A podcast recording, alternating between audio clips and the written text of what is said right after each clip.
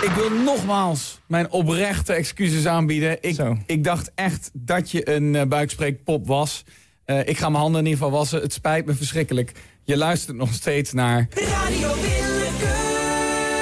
Ja, en zoals iedere week bij ons in de studio is er een band. Ja. En uh, na het grote succes van Suzanne Freek zijn hier Lisette en Fred.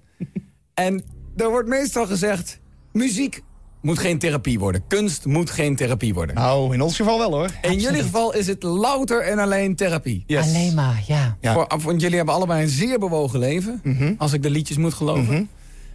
Ik kan daar van alles naar vragen, maar volgens mij moeten we gewoon luisteren naar het nummer. Dit had ik ook met een professional kunnen verwerken. Hier zijn Lisette en Fred. Met pijn. Had ik ook met een professional kunnen verwerken. Dat had beter gewerkt, maar dat zul je wel merken. Mijn vader is niet meteen iemand waarvan je zegt die deugt. Hij sloeg me heel vaak met de stofzuigerbuis. Ik had een hele zware jeugd.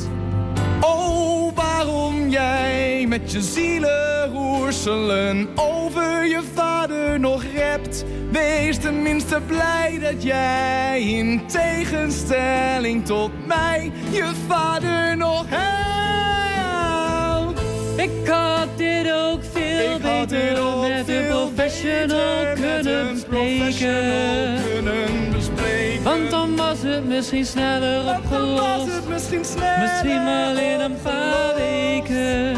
Maar mijn vader is tot daaraan toe. Het is de man waar ik soms nog van droom. Dat hij dichterbij komt, maar niet zo dichtbij als de pijn is van mijn Mijn oom. vader wordt steeds ouder. Mijn moeder is weg.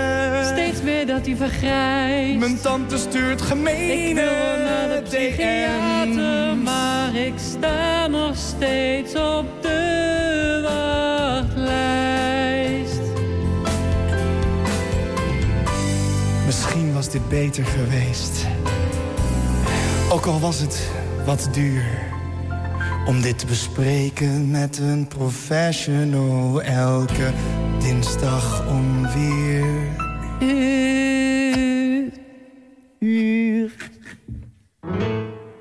Lisette en Fred. En we merken het met z'n allen gelijk. Jullie gaan vaker bij ons terugkomen. Je luistert nog steeds naar... Radio Willekeur.